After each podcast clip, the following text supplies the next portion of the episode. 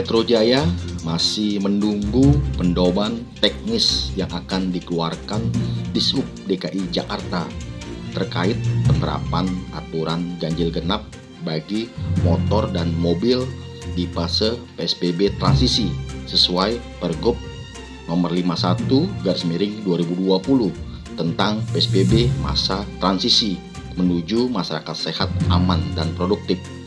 Kabit Humas Polda Metro Jaya, Kombes Pol Yusri Yunus mengharapkan sebelum 12 Juni 2020 pedoman teknis untuk aturan ganjil genap bagi motor sudah rampung dibuat oleh Dishub DKI Jakarta termasuk dengan pemasangan rambu di ruas jalan yang akan diterapkan. Oke, yang sekarang ramai lagi sekarang ini adalah ganjil ya. Ganjil genap untuk roda dua. Uh, memang di dalam Pergub 51 2020 ini sudah menyampaikan bahwa sejak dimunculkan ini sudah berlaku. Kemarin sudah kita rapatkan, yang dikedepankan adalah teman-teman dari Dishub DKI Jakarta, Dishub DKI Jakarta. Hasil rapat dengan Polda Metro, kita akan mengevaluasi lagi untuk berlakunya. Ya, kemarin sudah diambil keputusan tujuh hari sejak tanggal 5 akan dievaluasi apakah bagaimana tingkat keramaian selama tujuh hari ini? Ya apakah memang harus cepat diberlakukan atau gimana? Rencana setelah tanggal 12 baru diberlakukan nanti untuk ganjil genap di Jakarta. Bagaimana dengan roda dua yang ada? Kami juga kemarin sudah dan ini terus akan kita tanyakan kepada teman-teman dari Dishub.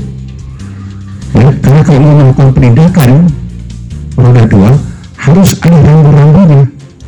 Yang sekarang ini kan daerah pengendali kawasan pengendalian lalu lintas yang untuk roda 4 yang sudah berjalan selama ini ini ada peraturan daerahnya.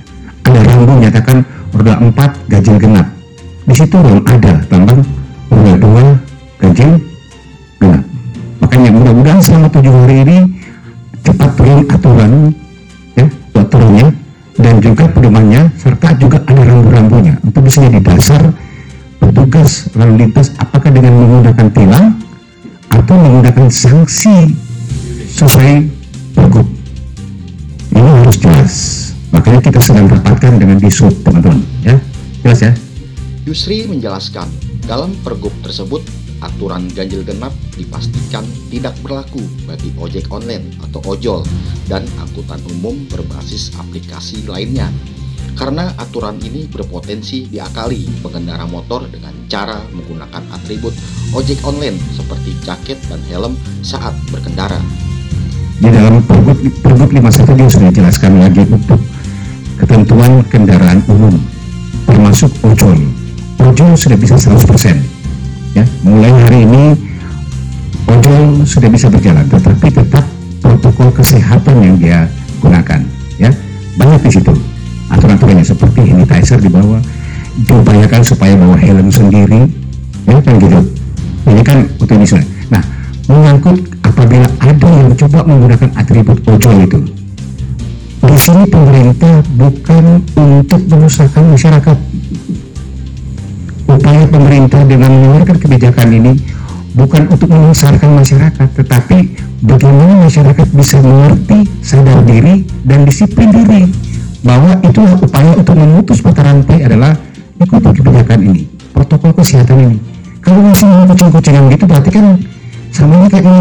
sama kayak kemarin dilarang mudik yang disampaikan, tapi ada saja yang memaksakan. Silakan. Tetapi baliknya susah. Kan gitu. Ya, harus membawa SKM, surat izin keluar masuk. Kita bukan, pemerintah tidak bukan untuk menyusahkan masyarakat, tapi untuk menyelamatkan masyarakat dari penularan dan penyebaran COVID-19 ini. Yusri menghimbau masyarakat tidak melakukan hal itu dan tetap mematuhi aturan lalu lintas. Aturan ganjil genap bagi pengendara sepeda motor bukan untuk menyiksa masyarakat, tapi untuk mendisiplinkan masyarakat agar mata rantai penyebaran virus corona dapat diputuskan. Dari Jakarta, Edi Soroso melaporkan.